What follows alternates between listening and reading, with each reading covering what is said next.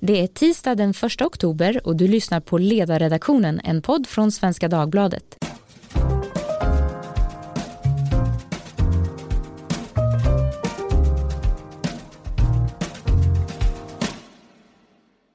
Jag heter Maria Ludvigsson och idag ska vi tala om något som bekymrar många, tillgängligheten i svensk vård. Varken patienter eller läkare är nöjda med hur själva organisationen ser ut. Den fungerar inte och vittnessagan om vårdköer, väntetider och svårigheter att alls komma i kontakt med läkare är otaliga. Det finns en utbredd skepsis och till och med rädsla att inte få den vård man behöver i tid. Då har nätläkare som till exempel Kry och Min doktor blivit ett välkommet och behövligt tillskott i sjukvårdssverige. Idag tog socialminister Lena Hallengren emot slutbetänkandet av utredningen Styrning för en mer jämlik vård som är genomförd av den särskilde utredaren Göran Stiernstedt. Han är läkare och tidigare hälso och sjukvårdschef på SKL. Den här eh, utredningen innehåller enligt debattörer en del bra material men missar annat. En fråga som kvarstår är om detta alls är tillräckligt för att komma åt problemen med köer och väntetider. Med mig i studion för att diskutera detta har jag Emanuel Örtengren, välfärdsansvarig på Timbro. Ja, tack. Och på länk Kajsa Dovstad, läkare och debattör. Välkommen du också. Ja, tack så mycket. Du, du är just nu AT-läkare i Katrineholm. Det stämmer. Ja, vad bra. Då har vi en, en eh, från yrket här som kan berätta hur det egentligen fungerar. Eh, Kajsa, det du har hunnit se om utredningen, finns det någonting i den som du tycker är bra, som är positivt? Eh, jag tycker det är väldigt positivt att man fokuserar på kontinuiteten eh, i vården och att eh, patienten ska träffa samma läkare och samma sjukvårdspersonal när man söker vård. Och på vilket sätt gör man det? Man kan ju tycka att det borde väl vara självklart att det är en, en grundläggande, ett grundläggande sätt att arbeta på. Gör man inte så idag och varför inte? Nej, det gör man inte, utan det svenska sjukvårdssystemet eh, går ju, särskilt när det gäller primärvården, det går ju liksom ut, att man, eh, ut på att man listar patienterna på ett hus mm. eh, och inte på en person. Det är, lite, det, det, det är typiskt en, en, socialdemokratisk idé att man ska bli listad på ett kollektiv mm. och eh, inte på en person. Och det gör ju att eh, även om det finns vårdcentraler där, där man kan lista sig på enskilda eh, läkare så är hela hela systemet, alla eh, ekonomiska styrmedel uppbyggda kring att eh, man, man får vård av ett hus. Mm. Eh, och eh, eh, det, det, gör ju att eh, fokus blir på att, att huset ska prestera gentemot patienten. och då missar man den enskilda personkontinuiteten som, som vi vet är så viktig för en god och fungerande vård. Och det är också samma sak som utredningen då menar med kontinuitet, att man ska få kontakt med så mycket som möjligt en och samma läkare. Ja, och sen kommer det ju inte att, eh, att, att fungera helt och hållet. Alltså vi läkare, vi är ju också människor, vi behöver ha semester precis som alla andra och så vidare. Men, eh, och, och jag tror också att eh, framtiden, vården blir allt mer avancerad mm. och det gör att det kräver att allt fler eh, specialiteter blir, blir inblandade mm. på, eh, på, samma patient. Men, men det behövs någon som är spindeln i nätet och en person som kan hålla i alla de här trådarna som dagens komplexa vård kräver och det, det saknas idag. Det saknas. Du säger alltså att det, man fokuserar på mer av kontinuitet, att man ska få samma läkarkontakt så mycket som möjligt. På vilket sätt eh, försöker man i utredningen komma fram till det? hur vill man reformera för att det ska bli mer åt det hållet? Eh, man föreslår ju listning på eh, enskilda läkare och enskilda eh, personal av andra sjukvårdskategorier. Man föreslår också att det ska vara lägre patientavgifter när man går till, till sin läkare. Mm. Vi återkommer till, till patientavgifterna, det är en del av det. Men, mm. men det jag undrar är, för man kan ju redan idag rent praktiskt få lista sig hos en läkare. Det finns ju som sagt vissa vårdcentraler man får göra det. Så det finns inget, det är inget emot det idag Så, men man gör det ändå inte. Är det då upp till respektive vårdcentral att bestämma det så att det borde då bestämmas nationellt för att alla ska ha samma? Ja, precis. Det är ju som sagt en möjlighet för vårdcentralerna idag att låta sådana patienter lista sig på en läkare men alla ekonomiska styrsystem de är inte utformade efter att man ska gå till sin läkare och det gör ju att det finns eh, incitament från mm. vårdcentralernas sida att, eh, att man exempelvis tillgodoser hög tillgänglighet eh, vilken läkare som helst på mm. vårdcentralen, men inte just hos eh, en, en, den läkaren som patienten är, är listad på. Och, och, och vi vet ju att ekonomiska incitament påverkar eh, hur, hur vården styrs och är ja. uppbyggd. Och där behöver liksom, eh, de ekonomiska incitamenten förändras, vilket jag tycker man resonerar bra om i utredningen. Sen är väl inte alla förslag eh, saker som jag håller med om, men jag tycker grundtanken är väldigt bra. Emanuel, ser du detsamma?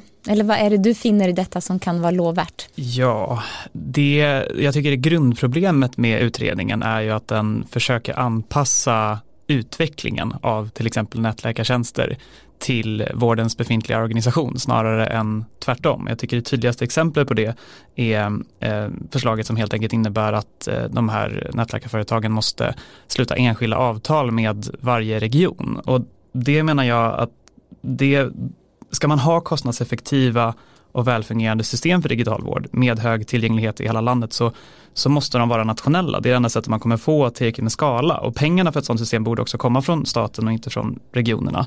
Och det man får nu istället det kommer bli ett lapptäcke som bara ökar den här fragmenteringen där min doktor Kry, Doktor 24 och alla mm. de här företagen måste sluta enskilda avtal med regionerna. Och eh, utredningen är ju i grunden positiv till, till den digitala ja. vården och, och, och, den utveckling som det har drivit på. Men jag tror att utredningen också överskattar regioners egna eh, förmåga och incitament att, att vara innovativa och driva den här utvecklingen i, i den, en ännu mer positiv riktning. Så jag menar poängen med, med, med nätläkarna det förtas ju till exempel när man som i Region Dalarna eh, bygger en egen app där man behöver vänta en vecka på att få en tid eller där man eh, lägger skattepengar på att utveckla appar som i Region Skåne där den har blivit väldigt försenad eller i Halland där miljontals skattepengar har lagts på en app som i år bara haft 50 besökare. Så... Det låter ju vansinnigt att man utvecklar någonting på regional nivå när det redan finns på marknaden. Ja, och jag, jag, jag tror också att det, det, man säger är i princip att utvecklingen de senaste fem åren eh, har varit positiv, men mm. nu ska vi vrida tillbaka klockan. Mm. Och eh, det finns ju problem med den eh, digitala vården, absolut, och det är kanske till och med så att den är för lätt att eh, söka i vissa fall, att folk överutnyttjar, men jag tror att lösningen på det är inte att eh, lösningen skulle vara nationell och nu försöker man göra den regional och det tror jag är ett problem. Kajsa, du hade ett inspel. Ja, precis. jag, jag håller med Emanuel om att jag tycker just den delen av, av utredningens förslag är, är knepig. Eh, och, jag tror att i, utredningen så glömmer man liksom att, att, diskutera den fundamentala framtidsutmaningen för vården och det är vilken vård ska vara skattefinansierad och vilken ska vara privatfinansierad. Mm. Eh, och man skulle kunna tänka sig att en, en hel del av det nätläkarapparna gör idag kanske inte ska vara skattefinansierat. Mm. Eh, men, men den bollen vågar man inte röra överhuvudtaget. Eh, och det tycker jag är, är väldigt synd och det blir till slut blir det liksom svåra etiska frågor som läggs på, på, eh, på oss i, i professionen. Att eh, vilken vård ska vi ge, vilken vård ska vi inte ge? Eh, och eh, det är ju egentligen en fråga som verkligen borde vara föremål för ett, ett demokratiskt eh, samtal. Men det är, det är en fråga med så mycket etisk sprängkraft att man, man vågar inte ta i den. Eh, och det tycker jag är synd. Ja, och den har ju varit närvarande i många år egentligen. Frågan om mm. vad ska man, eh, ska man till och med, eh, frågan har till och med varit, ska man tillåta privatpersoner att betala för vård eller ska man inte alls få göra det? Det där är ju en, en, eh, i högsta grad en etisk frågeställning. Jag vet att Lena Andersson skrev i vår konkurrerande tidning Dagens Nyheter eh, om ett läkarbesök där hon bad om att få bli behandlad som en hund, alltså i jämförelse då med hur det fungerar när man går till en veterinär. Att där man, eh, eftersom man är kund då i meningen, jag betalar för den här tjänsten, så får man också ett annat sorts bemötande. Att hon såg det som något positivt. Medan i svensk vård så är du en klient som får vänta på din tur. Kan det ligga någonting i det perspektivet, Emanuel? Ja, men absolut. Jag menar, vi har ju märkt det på Timbro när vi har försökt eh, lyfta det här med försäkringsfinansierad vård och vi har presenterat eh, ett par rapporter som handlar om hur det fungerar i andra länder och vi kommer också att diskutera hur man skulle kunna gå mot en sån modell i Sverige.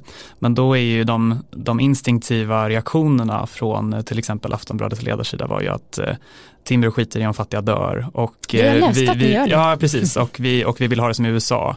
Och det, det stämmer ju inte alls och det är inte konstigt heller att eh, ja, debattörer som Daniel Suhonen då inte väljer att bemöta de exempel som vi faktiskt ger på vård så som den fungerar i till exempel Nederländerna och Schweiz där man har försäkringar och det är subventionerat för låginkomsttagare och sen går staten in och eh, står för kostnaderna eh, över en viss nivå, alltså för ovanliga sjukdomar som kostar väldigt mycket att, att behandla. Och eh, det är inte så konstigt att de inte lyfter de exemplen för det skulle visa för en på vänstern ganska obekväm sanning, nämligen att det finns länder som erbjuder vård av lika god kvalitet, lika hög grad av jämlikhet och bättre tillgänglighet än vad Sverige gör utan samma höga skattetryck. Men det är intressant, så det finns alltså modeller i vår närhet där man har ett skattefinansierat system men man har något slags eh, privata sjukförsäkringar då som är obligatoriska. Ja, det, det är inte skattefinansierat i den mån att man har lägre skatter så att människor har råd att lägga egna pengar på, på försäkringar och det finns en grund platta så att säga för försäkringar som är tillgänglig för, för alla och sen får man teckna privata försäkringar som täcker mer än så utöver det också. Och den här grundförsäkringen, är den statlig eller den, den också? Den är statligt mm. reglerad mm. men inte finansierad så att det man kan se om man tittar och bryter ner vårdkostnaderna och jämför då Nederländerna och Sverige det är att i Nederländerna så lägger man ungefär 0,6 procent av BNP i direkt offentlig finansiering till vården medan i Sverige så är det ungefär 9 procent. De mm. totala mm vårdkostnaderna som andel av BNP i Sverige och Nederländerna är jämförbara. De är ungefär 9-10 procent. Mm. Men eh, i Nederländerna så, så är de här kostnaderna, det är privatpersoner som står för större delen. Och sen förstås då med, med subventioner för, så att alla ska få råd med god vård. Det är ju lätt att liksom förfäras över eh, tankar eh, om att man ska ha en ökad privat finansiering i vården. Men kollar man på kostnadsutvecklingen i vården så den är helt ohållbar. Eh, för offentlig finansiering. Mm. Det, vi blir allt äldre Um, och uh, vi vet att med åldern så kommer sjukdomar som cancer, hjärt-kärlsjukdomar. Det är inte ovanligt att jag träffar på patienter hela tiden som har kanske två, tre olika sorters cancersjukdomar uh, mm. och som man kan leva ganska länge med idag med, mm. med, med, med, rätt behandling. Eh, och då måste man, och då kommer man ju till slut alltså, till frågan att det, det där kan vi liksom inte effektivisera bort i slutändan. Eh, utan eh, man, jag tror att man måste bestämma att vilka, vad, vad, vad ska den offentliga vården egentligen eh, eh, stå för? Och eh, vad kan det, vad, vad behöver vara upp till eh, den enskilda individen att, att, att själv betala för?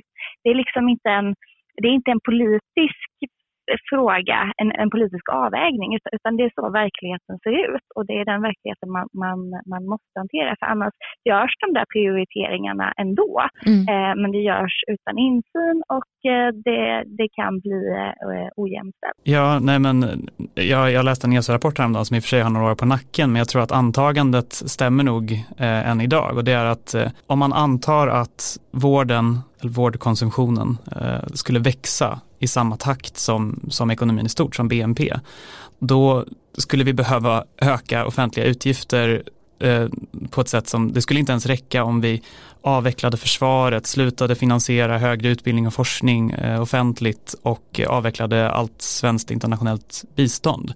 Det är så, så ser kostnadsutvecklingen ut och det beror ju i viss mån på att medicinen blir bättre. Vi får mer effektiva skräddarsydda behandlingar men när vi får det så betyder det också att det kostar mer. Eh, immunterapi som vi pratade om här i podden för några, några veckor sedan, det är en fantastisk utveckling. Men, eh, ja, eller i alla fall än så länge så kostar ju det väldigt mycket. Mm. Eh, och då är frågan om det är det offentliga som ska stå för det. Eller ska det offentliga stå för behandlingar för, för nervsjukdomar som kanske kostar flera miljoner, som är väldigt sällsynta. Det, det krävs, jag tror att framöver och särskilt nu när vi går in i en lågkonjunktur så kommer politiker behöva göra väldigt svåra prioriteringar. Man måste vara ärlig med det för att annars kommer det göras lite i skymundan av tjänstemän i olika regioner. Och den politiska ledningskraften finns inte riktigt nu då? Nej, och jag tror att det är för att det är så svårt Det är så svårt att lyfta, det är så svårt att ta i och man, man vågar inte vara ärlig. Nej. Kajsa, känner du igen det? Ja, men verkligen. Alltså det är, alla svenska politiker över alla partier lovar liksom allt till alla och i synnerhet när det gäller sjukvård. Eh, men eh, alla har ju sett de här eh, graferna och siffrorna som Emanuel pratar om. Att det är helt ohållbart och, och man måste diskutera om, om man ska ha ett, ett, ett helt annat system än vad man har haft i Sverige innan. Eh, men eh, som sagt, det, det är väldigt impopulärt att eh, att börja prata om de frågorna. Det finns en väldigt stor stenkraft i dem. Men att, att blunda för kostnadsutvecklingen och för de här frågorna, det tycker jag också är otroligt ansvarslöst. Man, är som att man gasar på en gammal motor, att man bara vill köra den fortare och mm. fortare och fortare utan att tänka på att den kanske måste byggas om och till slut så kollapsar allt istället. Jag tolkar det som att det krävs reformer av själva organisationen, hur man arbetar för att man ska kunna eh, vad ska jag säga, hushålla med pengarna och lägga dem på rätt saker. Att de idag går till ja. sånt som inte skulle behöva kosta fullt så mycket. Vi var inne på patientavgiften. Den ska vara enligt utredningen föreslås då 100 kronor i hela landet. Eh, det är frågan om, mm. är det så klokt? Ska det bestämmas centralt sånt? Nej, alltså jag tycker det är helt befängt. Jag tycker redan vissa patientavgifter idag är alldeles för låga. Eh, att ligga inne på sjukhus, där finns det en, också en nationell reglering att det kostar max 100 kronor per dag. Mm. Och eh, det är ju mindre än vad det kostar att man bor hemma. 100 mm. kronor per dag, det täcker inte ens matkostnaderna på, mm. på sjukhus. Eh, sen är det klart att, eh, att eh, ingen ska känna att man eh, eh inte kan uppsöka sjukvård på grund av ekonomiska bekymmer. Men eh, det, det, är helt orimligt. Och den tryggheten skulle man kunna lägga in i ett system då, att det finns en, en minimitaxa? Ja, det, det skulle man. Det, precis, man ska ju inte tjäna pengar på att ligga på sjukhus och eh, så är det faktiskt för de flesta idag. Manuel, hade du också, du var inne på patientavgiften som en fråga. Ja, nej men det ska inte bestämmas centralt överhuvudtaget tycker jag, i alla fall inte med det system vi har idag med regioner. Och sen så är det ju Eh, det är bra att det finns, som vi var inne på innan, att det finns incitament för listning. Det är ungefär samma princip vi har som för, för eh, alltså tandvårdsavtal. Att eh, det, det är bra att söka sig den centrala man, eller tandvårdscentral där man står listad och inte söka någon annanstans för dyra engångsingrepp och så. Men, men det, är en, eh, det är en låg avgift och eh, det finns ju en risk att att människor, på samma sätt som med, med nätläkarna, att människor helt enkelt översöker vård. Mm.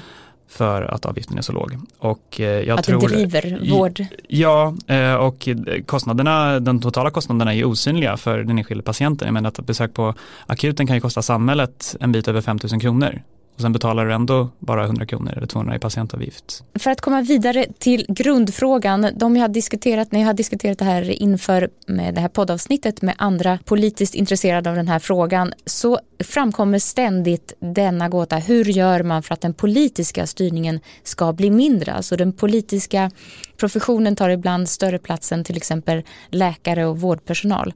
Finns det någon idé, Emanuel, du som jobbar med idépolitik egentligen och hur det skulle kunna se ut. Finns det någon eh, som har tecknat en väg framåt för hur man ska minska den politiska styrningen som tydligen är besvärande för många Ja, men, där tycker jag återigen att vi har en del att, att lära av, av till exempel Nederländerna där det är svårt att ändra över en natt för att i, i Sverige har vi sedan 70-talet så har läkare i princip försvunnit som egna fria företagare. Det är regionerna som är de stora arbetsgivarna och det, det finns en del partier som har föreslagit att det ska bli lättare för, för läkare att öppna egen mottagning och så. Men, men i Nederländerna så finns det en mycket högre andel eh, familjeläkare och det man kan se när man jämför hur god tillgängligheten är eh, i olika höginkomstländer, eh, vilket Vårdanalys, en myndighet till exempel, gjorde i en rapport 2016, det. är att eh, det är 72 procent av alla patienter i Nederländerna som tycker att det är relativt enkelt att få tid för primärvårdsbesök på kvällar och helger, alltså utanför kontorstid. Mm. Om jag inte minns fel så var siffran 27 procent, eller det var, den var i alla fall betydligt lägre i Sverige. Mm. Och jag tror att det har att göra med att läkarna i Nederländerna de är, de är egna företagare och de är riktade mot patienterna som, som kunder. Snarare än att man utgår från att det är så här mycket resurser vi har i regionen och så utgår man från, det, det är det som är utgångspunkten snarare än, än patienternas behov. Mm. Ehm, och eh, jag tror att i Nederländerna så är styrningen är mycket, mycket friare också. Det är inte det här extrema eh, ja, liksom, tänket i, som vi har i Sverige att den offentliga verksamheten ska fungera som norm. Mm. Så att det spelar ingen roll egentligen om, om du öppnar till exempel ett, eh, ett äldreboende. Du kan inte vara så innovativ där för att du måste vara jämförbart med ett kommunalt. Så, så det, det, fin, det, finns en del att, att, lära där tror jag, att man helt enkelt ger läkarna större självständighet. Men jag tror, och det märks ju i Stiernstedtutredningen som väldigt mycket utgår från SKLs regionperspektiv, att jag tror regionerna är rädda för att tappa i makt gentemot läkarkåren. Säkert. Kajsa, en rak fråga till dig som läkare. Har ni anledning att vara mer observanta på vad politikerna ber er att göra än vad patienterna efterfrågar? Är den politiska styrningen så stark? Både och. Mm. Eh, den, är, eh, den är stark, men jag skulle ändå säga att eh, jämfört med andra yrkesgrupper i, i den offentliga sektorn, att, att läkare har mycket makt att själva styra över sin, sitt arbete. Mm. Och eh, det, vad, vad som jag anser som läkare är rätt medicinskt, det behöver ju inte varken vara vad politikerna anser vara rätt eller vad liksom patienten kräver att, att, att, att få ha. Så det, det gäller att liksom hitta en, en balans eh, däremellan. Finns det ett behov av en mer eh, Eh, självständig roll för läkarkåren och även annan sjukvårdspersonal? Att det politiska ska bestämma mindre? Ja, men, eh, men det skulle jag säga och det finns en ganska intressant diskrepans här mellan hur eh, sjukvårdspolitiker i, i Sverige pratar. Att många Eh, är ju, säger ju uttryckligen att man vill ge mer makt till professionen. Men samtidigt så har man ganska långtgående krav på att vården i, i hela landet ska vara jämlik och mm. att man minsann ska se till eh, att, att, att alla får samma vård. Eh, och det finns ju en liten diskrepans däremellan. Eh, och, och jag tycker också det är väldigt intressant liksom, i, i media mm. när, eh, när det händer någonting. Eh, när det blir en sjukvårdsskandal så är det nästan alltid politiker man ställer till svars. Eh, trots att politikerna eh, inte är inblandade i det enskilda sjukvårdsfallet. Mm. Ehm, och eh, jag förstår att man som politiker blir väldigt nervös när man eh, eh, är ansvarig och utmålas också som, som ansvarig för en, en verksamhet. Det är klart att man då vill ha kontroll på den verksamheten. Så jag tror att det, det här är en, en, fråga som är större och hela, hela samhället skulle behöva ändra attityd till, till det här med ansvar mm. för att professionen ska kunna få mer makt. Kajsa, vi tar med oss de orden till nästa podd kanske, att vi ska prata mer om det, ja. om det individuella ansvaret. Tack så mycket för att du tog dig tid att vara med och tack till dig också Emanuel för att du var med och tack till er som lyssnade. Med synpunkter eller idéer om vad vi ska tala om, hör av er till ledarsidan svd.se. Hej då!